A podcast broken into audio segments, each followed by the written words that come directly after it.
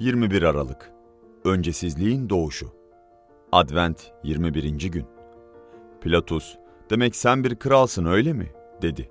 İsa, kral olduğumu sen söylüyorsun karşılığını verdi. Ben gerçeğe tanıklık etmek için doğdum. Bunun için dünyaya geldim. Gerçekten yana olan herkes benim sesimi işitir.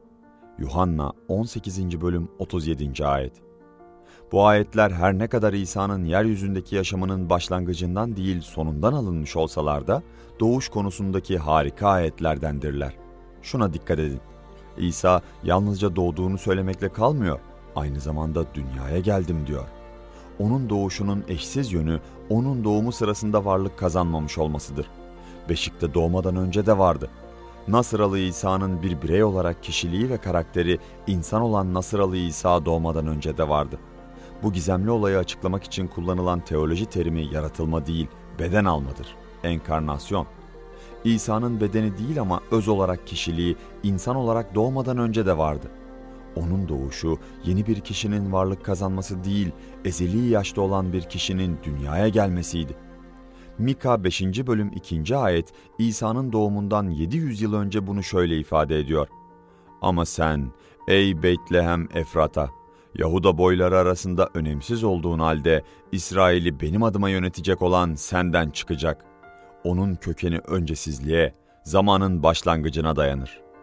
İsa'nın doğuşunun gizemi yalnızca bir bakireden doğması değildir. Bakireden doğması Tanrı tarafından çok daha büyük bir mucizeye işaret etmek amacıyla gerçekleştirilen bir başka mucizeydi sadece. O da şuydu doğuş gününde doğan bu çocuğun varlığı öncesizliğe, zamanın başlangıcına dayanmaktaydı. İşte bu nedenle onun doğumunun özel bir maksadı vardı. O daha doğmadan önce doğmayı düşünmüştü. Babasıyla birlikteyken ortada bir plan vardı ve yeryüzündeki son zamanlarında bu büyük planın bir kısmından bahsetti. Ben gerçeğe tanıklık etmek için doğdum. Bunun için dünyaya geldim. Gerçekten yana olan herkes benim sesimi işitir.'' Yuhanna 18. bölüm 37. ayet. O ezeli ve ebedi gerçekti. Yalnızca gerçeği konuştu.